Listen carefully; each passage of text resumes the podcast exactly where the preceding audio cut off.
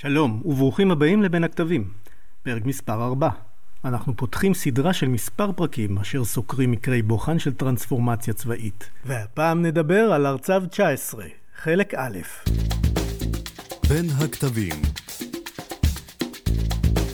סוגיות עכשוויות באמנות המערכה הצבאית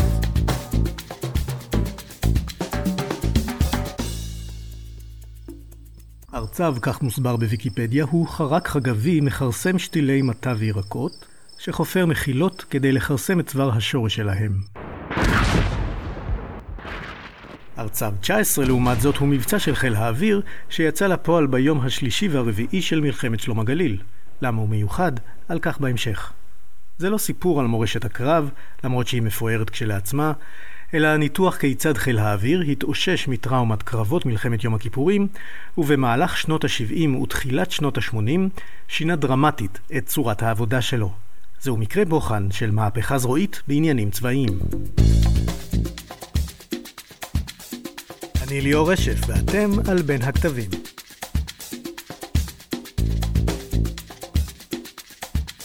תת-אלוף במילואים, הדוקטור מאיר פינקל, חקר את תהליך השינוי הזה שביצע חיל האוויר, וכתב עליו בגיליון חגיגי כפול 2021 של בין הכתבים.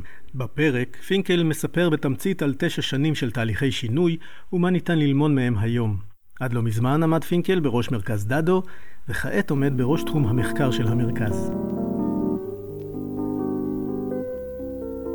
כבר במלחמת ההתשה הובנה במלוא חומרתה בעיית ההתמודדות עם טילי קרקע אוויר טק"א מסוג SA-3.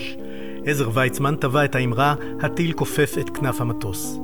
הקשיים בהם נתקל חיל האוויר לא נפתרו עד מלחמת יום הכיפורים, ובאו לידי ביטוי בכשלים במהלכה. סוללות טק"א פרסו במקומות חלופיים לפני התקיפות, ולפני שעודכנו עזרי המודיעין, תותחי נ"מ חיכו במערב סמוך לנתיבי הגישה. ובכלל, התוכניות לא יושמו כפי שנדרש. חיל האוויר איבד יותר מרבע מהמטוסים שלו. הוא לא הצליח לסייע לכוחות היבשה נגד הצליחה המצרית ונגד מסות השריון הסוריות, ובסופו של דבר הוא יצא מהמלחמה עם תחושת כישלון גדולה. שניים ממבנה חרדל, הלך. ארבע ממבנה אגוז, הלך. כמו נבל גדול בעל אלף מיתרים, שמנגן ומנגן ומנגן, ופעם בפעם פוקע מיתר. וממשיכים לנגן על מיתר אחד פחות, ועוד מיתר אחד פחות, ומיתרים פקעו ולא חזרו. חלקם חזרו וימשיכו לנגן. לקראת מלחמת יום הכיפורים הסורים רכשו מברית המועצות מערכת טילים חדשה וניידת בשם SA-6. חיל האוויר ידע שהוא לא יודע עליה, מה היכולות שלה, תוך כמה זמן היא יכולה להיערך מחדש במקום אחר, ומה אורכי הגל שלה. מבצע דוגמן 5 ב-7 לאוקטובר, היום השני של המלחמה, מייצג בצורה בהירה את, אה, את הבעיה שאיתה חיל האוויר יצא ממלחמת יום כיפור והלאה. חיל האוויר תקף את מערך סוללות טילי הקרקע האוויר הסוריות, עיקרן סוללות SA-6 ניידות, ללא מודיעין בזמן אמת. רוב המחפורות שבהן היו הסוללות מהתקיפה כבר לא היו מיואשות, הסוללות היו במקום אחר. חיל האוויר איבד שישה מטוסי קורנס והצליח לפגוע בשתי סוללות. כישלון שהטראומה שלו אה, השפיעה על הלחימה עצמה במלחמת יום הכיפורים, והתקיפה הזאת ייצגה בעצם את הבעיה שאיתה אה, חיל האוויר יצא לבניין הכוח. לב הבעיה הוא איך מזהים בזמן אמת את אה, מיקום אה, סוללות הטק"א, ואיך מעבירים את המידע הזה למטוסים באוויר. אבל, אבל יש גם מרכיב אחר. העברת את המידע למטוס, איך אתה תוקף את, ה, את סוללת הטק"א בצורה כזאתי שהמטוס יסתכן בצורה מינימלית. ואני מזכיר רגע יום כיפור והתשה, זה תקיפות מה שנקרא stand-in. זורקים פצצות על הסוללות, פצצות ש"כ, משתמשים גם אה, בטילים אה, מונחי אה, קרינה, שרייק ש... שמתבעט על, על מקם, רק יש בעיה עם השרייק, הצד הערבי לומד אותו וסוקר את המקם וכולי וכולי. חיל האוויר יוצא מהמלחמה עם הבנה עמוקה שיש לו בעיה אסטרטגית. גם צה"ל מבין שכל עוד חיל האוויר עסוק בלהשיג עליונות אווירית, הוא לא פנוי לסייע לכוחות היבשה. חיל האוויר התמודד לאורך כל המלחמה עם מערך הטק"א המצרי ומערך הטק"א הסורי בקושי רב. חיל האוויר איבד יותר מרבע מהמטוסים שלו. הוא לא הצליח לסייע לכוחות היבשה נגד הצליחה המצרית ונגד מסות השריון הסוריות. ובסופו של דבר הוא יצא מהמלחמה עם תחושת כישלון גדולה. מסמך הלקחים של חיל האוויר ממלחמת יום הכיפורים הופץ כבר בתחילת 1974. מערך הטק"א במרכז האתגר, והמענה להתמודדות עם המערך הוא מערכת לחימה כוללת של מודיעין, שליטה, אמל"ח ואימונים. כלומר, לא ניתן להסתפק בנשק חכם כנגד הטק"א, אלא צריך תכלול, אינטגרציה מלאה של יכולות. אם נתמצת את הסיפור, אנחנו צריכים עכשיו אה, מודיעין שיאפשר לנו לזהות צוללות בזמן אמת, אחרי שהם זזו, והם יזוזו כמה שיותר כי הבנו את העניין הזה. אנחנו צריכים להעביר את המידע הזה אה, במהירות לגוף שיתעדף תקיפות מסוגים שונים, וצריכה להיות אפשרות לשנות משימות עד כמה שניתן באוויר, שאם הגל הראשון לצורך העניין של התקיפות השמיט צוללות, או צוללות נאו והתברר שלא נמצאות במקום, אנחנו צריכים אה, לשנות משימות בזמן אמת. הדברים האלה לא היו ביום כיפור, mm-hmm. מלחמת יום הכיפורים. אה, חלקם כי לא הייתה הטכנולוגיה וחלקם כי לא הייתה התפיסה. כאן מתחיל סיפור מרתק. התחושה כי נדרש תיקון הייתה ברורה, וגם מרכיבי המענה היו ידועים, אבל המרחק בין הגדרת הלקח ובין השגת מענה בשל ומוכן לשימוש מבצעי הוא עצום. די מהר, אחרי המלחמה, אה, יוצא מסמך שמסביר שבעיית הטק"א היא בעיה מרכזית, ואנחנו הולכים לפתור אותה, אנחנו הכוונה חיל אוויר, בשינוי בשיטות אה, פיקוד והשליטה, והמודיעין, והטכנולוגיה, והל"א, כל המרכיבים. אנחנו הולכים לבנות מערכת. אבל מכיוונים כלליים, אתה לא, אתה לא יוצר פתרון. הפתרון נווט בכמה מקומות, ומכיוון שהיה לו גיבוי מלמעלה, דרך באמצעות המסמך הזה ובאמצעות מפקדי חיל אוויר שעסקו בעניין אה, מ-73 ועד 82 בצורה מאוד אינטנסיבית, המפגש הזה בין יזמים מלמטה לבין מנהלים אה, מלמעלה הוא זה שיצר את, ה, את התוצר הסופי. מיד לאחר המלחמה מתפתח ויכוח בין מפקדים לגבי דרך ההתמודדות עם הטילים. להילחם בהם בגישה ישירה, או לקבל את איום הטילים ולהילחם הכי טוב שאפשר בנוכחותם. רעיון הלחימה בטילים מנצח. אחד האנשים שדחפו לקידום רעיון הגישה הישירה היה אביאם סלע. סלע, שלחם בטייסת קורנסים במלחמת יום הכיפורים, כעבור שנה כבר למד לעומקו את האיום המרכזי, מערכת SA-6, בתפקידו כרמ"ד במחלקת מבצעים של חיל האוויר, וכעבור כמה שנים יפקד על מבצע תקיפת הסוללות במלחמת שלג. לאותו סלע עוד נחזור. פיתוח הגישה נעשה בעבודה מערכתית של רבים בחיל האוויר. התפיסה אף עברה התאמות כתוצאה מיכולות שהבשילו. אחת מהן, במקום לטוס קרוב ולהטיל פצצות סמוך לטילים, תקיפה מנגד, מחוץ לטווח שלהם. בלב תפיסת ההפעלה, כך היטיב לתאר את המענה גדעון חושן, רמ"ח מחקר בלהק מודיעין במלחמת שלום הגליל, משולש שקודקודיו הם תפיסה מודיעינית חדשה, צמ"ה, תפיסת שליטה חדשה, תשל"ם, פריצת דרך טכנולוגית במזעור, שילוב מחשב בפצצה. בתפיסה היו מרכיבים משמעותיים אחרים, כמו תו"ל טיסה, אמצעי ל"א ועוד. מימוש התפיסה החל. שיתופי פעולה בין גורמי פיתוח לבין המפעיל המבצעי, ניסויים וטעויות, אלתורים טכנולוגיים, רתימה של תעשיות וגופי מחקר. הבעיה הראשונה, המודיעין. ניידות הסוללות הייתה אתגר שדרש מחיל האוויר להתמודד עם שינויים תוך כדי התקיפות. כלומר לזהות סוללות שנעו ממקומן, מה שגרם לתקיפות נפל בדוגמן 5, לעקוב אחריהן ולתקוף אותן במקומן החדש. זאת אומרת, היה צריך לאתר באופן מדויק בזמן אמת את מיקומה, להעביר את המידע למטוסים, לבצע התאמות במשימת התקיפה תוך כדי הטיסה, ולאחר התקיפה לבדוק אם הסוללה הושמדה או שצריך לחזור ולתקוף אותה.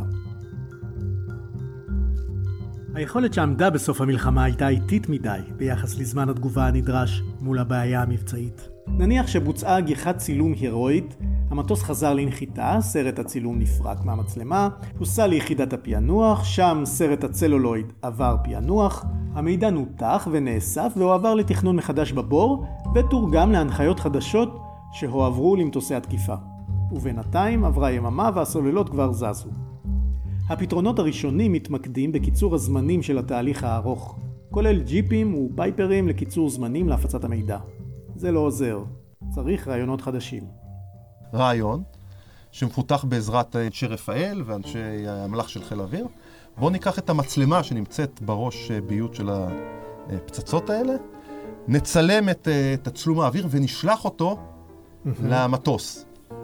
כן, אבל זה לא כל כך... אה, עד, עד מלחמת אה, שלום הגליל, עד 82, עדיין לא מצליחים להעביר את זה למטוס. לאן כן מצליחים להעביר את הדבר הזה? באמצעות קרון שמציבים כבר ליד בסיס מרכז הפענוח, מצליחים להעביר את זה לבור בחיל אוויר, לצוות המודיעין היהודי הצמ"ה ול, ולתשל"ם, והם מצליחים להעביר את זה לטייסות, שזה התקדמות יפה. נכון. קיצור זמן משמעותי. ויש כל מיני רעיונות אחרים, וכל מיני מסמכים שמציעים להתקין מקלטי טלוויזיה על, ה, על המטוסים, לשדר אליהם, לדוגמה, באמצעות משדרים של כל ישראל, כל מיני דברים, זאת אומרת, כל, כל מיני שיטות, מגוון של רעיונות כדי לקצר את הזמן הזה. סוף שנות ה-70 כבר יש טייסת אה, מזל"טים כזאת בחיל האוויר, הזהבן. אפשר לראות אותם בבור של חיל האוויר, ובעצם השימוש המרכזי בהם במהלך מלחמת שלום הגליל במבצע ארצב 19, הוא במה שנקרא בדיקת תוצאות בזמן אמת, אחרי התקיפה, ולראות אם, אם התקיפה אה, בוצעה בצורה משביעת רצון, והאם צריך לתקוף שוב. המזל"ט, הזהבן, משדר תמונה לבור של חיל האוויר. חיל האוויר מודיע לטייס במטוס, אל תתקוף את, הס... את הסוללה הזאת, תתקוף סוללה אחרת. ברקע חיל האוויר מקים ארגון מודיעין משלו, להק מודיעין, כדי שיהיה לו מודיעין עצמאי שמתמחה במחקר למשימת הטק"א. הוא גם הקים יחידת סיגינט משלו, אס"ם, שמתמחה באיכון הסוללות, ויחידת תצפיות, תצ"ם. הסיפור הוא מחקר אה, מודיעיני שא' מתמקד בעניין הזה, ויש לו, יש בו מרכ... מרכיב של מודיעין חזותי, ויש בו מרכיב אה, זמן אמת, שהוא מרכיב המרכזי, של מודיעין אה, סיגינטי. הסוללות טילי קרקע אוויר, המכ"מים שלהם פולטים קרינה, הקרינה הזאת והצד השני הוא מתוחכם, הוא לא פולט אותה כל הזמן, הוא פולט אותה בצורה מינימלית, ואז באמת אתה יודע בזמן אמת איפה נמצאת הסוללה. והמודיעין מבוסס האלינט, מודיעין אלקטרוני, הוא מרכיב מרכזי במודיעין. המודיעין שחיל האוויר אה, אה, מצליח לייצר. וכמובן, יש מאמץ גדול לאורך כל התקופה הזאת, לצמצם עד כמה שניתן את יכולת האיכון, כדי להביא מידע כמה שיותר מדויק. השילוב של מודיעין אלינטי, טיסות הצילום המקדימות עד כמה שניתן. חיל האוויר מקים גם ב-74 את יחידת התצפיות ארוכות הטווח שלו, שגם הן מתוחות מצוללות אחר. השילוב של המידע הזה מגיע לצמ"ה,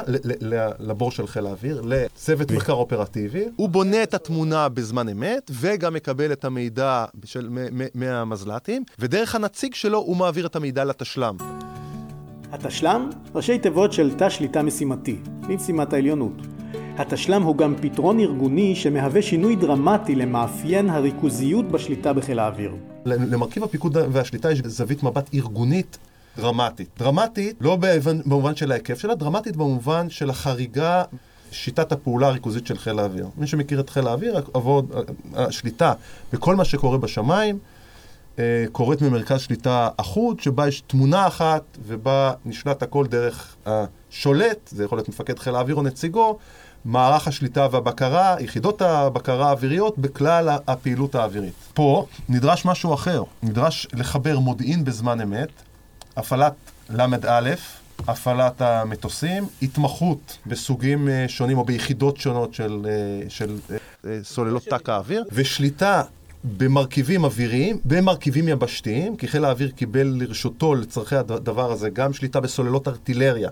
זה הרעיון כבר מיום כיפור שלא עבד, שזה לא ארטילריה שיכולות לירות על סוללות טק הקרובות. הוקצו לו אה, מערכי ל"א של חיל הקשר, אה, מערכות ל"א ליבשתות, היה צריך לשלוט בהכל יחד בזמן אמת, והיה צריך לבודד את העניין הזה כדי שזה יעבוד מתוך השליטה הכללית בחיל אוויר. ולכן הוקם הארגון שנקרא תא השליטה היהודי, התשל"ם. שהוא פעל תחת השליטה המרכזית, אבל היה מבודד ועסק בצורה ייעודית בעניין הזה. וחוץ מהשינוי הארגוני, צריך אמצעים ומערכות. איך אתה שולט במערכת כזאת עם מאות פריטים, כשהאויב דינמי, האויב זז. חיל האוויר התחיל את ההתנסות שלו אחרי אה, מלחמת יום הכיפורים בשליטה ידנית, כמו שהייתה במלחמת יום הכיפורים, על לוח של שקפים ו... וצ'יינו ופנלנית. וניסיון להבין בזמן אמת מה אתה זיהית ולאן צריך לתקוף, ופגעת אלפא או לא פגעת, ואז...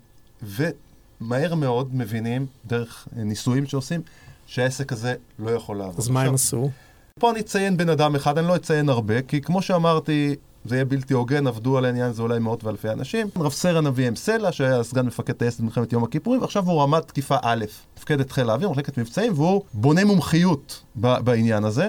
והוא הולך לתרגיל בפיקוד הצפון, ושם הוא שואל איך אתם שולטים באש של פיקוד הצפון, אש יבשתית, אה, אה, ארטילריה ודברים אחרים, ואומרים לו, תשמע, בנינו איזושהי מערכת באמצעות אנשים אה, שהם אנשי מילואים אצלנו ונמצאים במכון ויצמן. הוא הולך למכון אה, ויצמן, רואה מחשבים. לא היו אז בארץ מחשבים, זה המחשבים הראשונים. והוא אומר, אוקיי, אנחנו צריכים מערכת ממוחשבת. הוא הולך עם העניין הזה לאנשי המחשב של חיל האוויר. הם אומרים לו, תקשיב, אפשר לעשות את הדבר הזה, זה יעלה הרבה מאוד כסף, ייקח שנים וצריך להעסיק בזה כמות גדולה מאוד של מהנדסים. ופה אנחנו נכנסים למרכיב של היזמות מלמטה, הוא ויצחק בן ישראל, שאז סרן ב- בחכה בחיל האוויר, הולכים חזרה למכון ויצמן, מגיעים לצבי סלע, שהוא אחראי על המחשוב במכון ויצמן, הוא מביא את איש המחשבים שלהם, מנחם קראוס, אדם חרדי שפורסמו עליו כמה מאמרים וראיונות, והדבר המדהים ביחס למה שאמרו להם בחיל האוויר, התשובה היא שלושה שבועות, להעמיד מודל ראשוני. הם עובדים עם מנחם קראוס, ואחרי שהוא מפתח את היכולת הראשונית, והם מביאים את אה, בני פלד ל... בכבודו ובעצמו, מפקד חיל האוויר. שיראה את הדבר הזה, שם תקלות, בעיות, בני פלד מתרשם, אומר, הבנתי, כזה אני רוצה." את- כזה אני רוצה. הוכחת היכולת הופכת במחצית השנייה של שנות ה-70 למערכת שליטה ובקרה ייעודית בשם פריסקופ. למה פריסקופ? כי בעזרתה אפשר לראות משהו מתוך הבור. פריסקופ, שהיא מערכת השו"ב, השליטה והבקרה, בתקיפת אה, מערך הטק"א. היא מערכת שבה אתה מזרים מודיעין שהגיע מהשטח, עוד רגע נדבר עליו, על מה נתקף ומה לא, מידע על תקיפה בזמן אמת, זה נתקף והושמד, זה נתקף אבל לא. הושמד, ואתה יכול דרכה להחליט במהירות מה עושה המטוס הבא, לשנות משימות למטוס באוויר בשיטות שונות שאולי נגיע אליהן. אחד המרכיבים שמשפיעים מאוד על תהליך השינוי שחיל האוויר עובר, הוא ההתנסויות בפתרונות חדשים. הניסויים המערכתיים הזריקו מרץ ותקווה למערכת. הרבה פעמים אנשים חושבים שהניסוי, יש לו רק היבט טכני, להראות אם זה עובד או לא. לא, לניסוי יש היבט על הקוגניציה הארגונית. זאת אומרת, הארגון פתאום מתחיל להאמין שהדבר אפשרי דרך הניסוי. זאת אומרת, יש את העניין שזה עובד, ויש את העניין של, אוקיי, אנחנו מתחילים אה, לפתור את הבעיה. זה גם משכנע את הארגון כולו שיש פתרון בפתח. גם אם הניסוי כן. לא מצליח ב-100%, ויש הרבה ניסיונות שנכשלים, הארגון מתחיל להבין שיש כאן איזה משהו שמצליח, ש, ש, שמתחיל לפתור את הבעיה.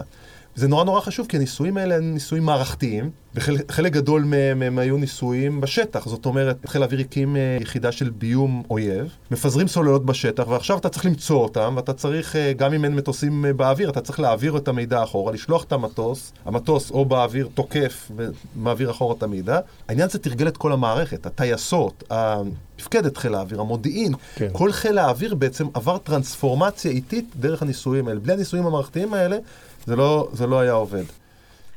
וכעת ליכולת התקיפה עצמה. איך תוקפים מחוץ לאזור היעילות של הטילים? לצורך כך חיל האוויר מפתח את ההגנה ואת ההתקפה. חיל האוויר מפתח מעטפות הגנה אלקטרוניות, הגנה אישית והגנה אזורית. הגנה אישית על מטוסי התקיפה והגנה אזורית, מערכות לשיבוש מכ"ם קרקעיות מהגבול ומוסקות, שימוש בגזירי מוץ כדי לעוור את המכ"מים ובמטוסים ללא טייס להטעיה. ומה בדבר ההתקפה? בונים יכולות בצורה מאולתרת, אבל גם מנהלים פרויקטים בנוהל חירום ברפאל ורוכבים על הטרנדים העולמיים בתחום הטילים המונחים. אחרי מלחמת יום כיפור הייתה התשה ברמת הגולן. אומרים, אוקיי, יכולה להתחדש מלחמה, הייתה, הייתה סכנה כזאת, גם, גם בדרום וגם בצפון. חיל האוויר לוקח את טילי השרייק, שרייק אם אני לא טועה טווח של 11 קילומטר. 11 קילומטר זה כבר בתוך האזור מוכה טילים. לוקח את השרייק הזה, מרכיב לו רקטה מאחורה, מעריך את הטווח שלו בעוד כמה עשרות קילומטר. שם את זה על נגמ"ש, שם את זה על קנות של נשק שלל אה, ערבי על הטילים ברמת הגולן, ממציא, מאלתר במהירות הבזק. זאת אומרת, הסיפורים זה, זה תוך שבוע בערך מאלתרים דבר כזה, ולהפוך אותו תוך שבוע של מאמץ מרוכז עם ניסוי, בני פלד מגיע לניסוי, ויש לך טיל כבר לטווח הרבה יותר ארוך. והדבר השני, פנייה לתעשיות, הפתרון של חיל האוויר. לאזרחים, לכאורה, זה, אני, קצת, קצת כאב בטן, אבל הדבר הזה מביא לפתרונות מצוינים. רפאל, לדוגמה, מתגייסת, מה שעושה רפאל אומרת, אוקיי, יש לי פיתוח, הפיתוח הזה ייקח עוד הרבה שנים, הבעיה היא דחופה. פצצת התדמית, זה פצצה, טיל, כאילו פצצה מונחית, אני אעשה פיתוח חירום, שהוא לא לפי הספציפיקציות ארוכות הטווח של טווחים ארוכים וכל מיני דברים. ומצליחה תוך זמן אה, קצר, שנתיים שלוש, להביא, להביא דגם מבצעי ולהכניס אותו כבר לטייסות. הסיפור פה זה רכיבה על גל של טכנולוגיה שמתפתחת ב- ביסודה לא בישראל, עם פצצות וטילים אמריקאים, של יכולת לדחוס מחשוב גם לתא הטייס שישלוט בדבר הזה, דרך לדוגמה תמונה שמשודרת מ- מראש הטיל אחורה לתא הטייס, וגם לראש הטיל עצמו. זאת אומרת, זה, התקופה הזאת של שנות ה-70, זו התקופה שבה מצליחים למזער את הדברים האלה ולהכניס אותם לתא הטייס ולראש הטיל.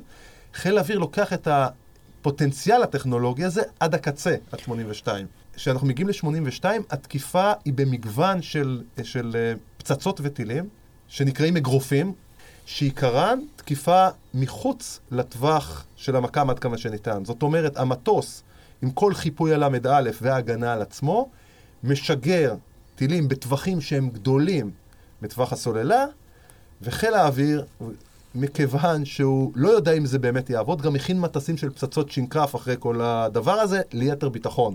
כי הטראומה גדולה. מרכיב משמעותי נוסף בבניין הכוח היו האימונים. גם האימונים היו יצירתיים וחריגים. אני אפריד פה בין, בין אימונים, נקרא לזה, וניסויים מערכתיים, שמתרגלים את כל המערכת, ובין אימונים של הטייסים. נבודד רגע את האימונים של הטייסים. אז פה יש הצעות כבר מתחילת הדרך, אומרים SA6 זה לב הבעיה, אז בואו נשים דמה מפיברגלס של הסוללה הזאת, בכל בסיס.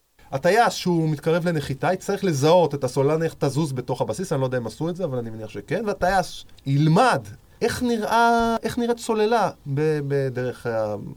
מהקוקפיט, דרך האמצעי ראייה שלו וכולי וכולי. ילמד להתמודד עם הדבר הזה. וכמובן שבהמשך, מנסים לפתח כל מיני דברים שידמו את הדבר הזה. הטייס טס לצורך העניין לשדות האימונים של חיל האוויר בנגב, למטה עומד משהו, יורה עליו דברים זז, והוא נדרש לתקוף אותו. זה אימון של הטייס אה, עצמו. וכמובן שמתווספות מערכות מוץ, אז הוא צריך להפעיל מוץ, והוא צריך לחמוק, והוא צריך לתקוף את המטרה וכולי וכולי. ובהמשך, מפקד חיל האוויר לקראת אה, 82, לקראת אה, מלחמת שלום הגליל, גם uh, מנחה שכל uh, טייס, בגיחות מבצעיות בלבנון, שהיו אז uh, לא מעט, יתרגל את, ה, את הטיסה אל מול סוללת uh, טק"א, ממש אימון בשטח מבצעי. אימון בשטח מבצעי, לא מול סוללות SA2 ו-SA3, לא בסוריה, תרחיש הייחוס היה מלחמה מול סוריה, בסוף היא קרתה בלבנון, יתרגל לראות את, ה, את הדבר הזה. ובהמשך, אותו אביהם סלע שדיברנו עליו uh, בתחילת הדרך, הוא עכשיו מפקד טייסת פנטומים, והוא עושה סיור לימודי בארצות הברית, ואומר, יש סימולטורים. ועכשיו, לפצצות המונחות טלוויזיה, שזה עסק מסובך, עד אז שיטת האימון הייתה שהנווט מכווין את הטייס, שהוא לכאורה הראש של הטיל. זאת אומרת, ראש הטיל הוא ראש המטוס, ואתה טס איתו עד שאתה מתקרב uh, למטרה. זו שיטת אימון קצת בעייתית. ואז מסכימים לעניין הזה במהירות ושולחים טייסים לסימולטור בארצות הברית. זאת אומרת, זה האימון של הטייס, במיומנות של המטוס. חיל האוויר קל לו מאוד יחסית נניח ליבשה הגדולה והמורכבת ליזום ניסויים מערכתיים כאלה, ונעשו לא מעט ניסויים מערכתיים. החל מאלה שתיארתי ממש בהתחלה, שבאמצעותם הבינו שבלי מחשוב כלשהו העסק לא יעבוד, בשליטה במאות מטוסים ומערכות ל"א ומודיעין בזמן אמת. וחיל האוויר יש לו כמה תרגילים בשנה, תרגילים אה, ידועים מראש, כדי אה, לתרגל כל פעם את המרכיב החדש שנכנס. וגם ממציאים סוג של תרגיל חדש, הוא נקרא תרגיל אביזר, והוא תרגיל מהסוג שבו אין, אין מערכות טסות, יש מנהלת שבנו אותה ב- בלמדן בחיל האוויר, היא מזרימה נתונים מלמעלה, הבור של חיל האוויר מתרגל באופן מלא, אבל מסביב זה הכל טלפונים והודעות. אבל אתה יכול לתרגל את העברת הזרימת המידע, אתה יכול לתרגל את אה, אה, שינויים בהקצאת אה, כוחות לאור מידע וכולי וכולי, ואלה תרגילים זולים יחסית, וזה סוג של תרגיל שמפותח בהמשך. אז יש פה גם התנסויות מערכתיות מלאות, וגם תרגילים שנועדו לתרגל את המכונה, ורק נזכיר שערב אה, מלחמת שלום הגליל חיל האוויר עובר לבור חדש, ומספיק לתרגל את המערכת הזאת בבור החדש לפני אה, מה שיקרא הרצ"ב 19. תודה לתת-אלוף במילואים הדוקטור מאיר פינקל על הרעיון ועל המחקר. בין הכתבים זה תת-אלוף ערן אורטל, מפקד כתב העת ומפקד מרכז דדו, סגן אלוף רווה גלילי, העורך הראשי, אנשי מרכז דדו, ואני, מפיק ומגיש ליאור רשף. נשתמע.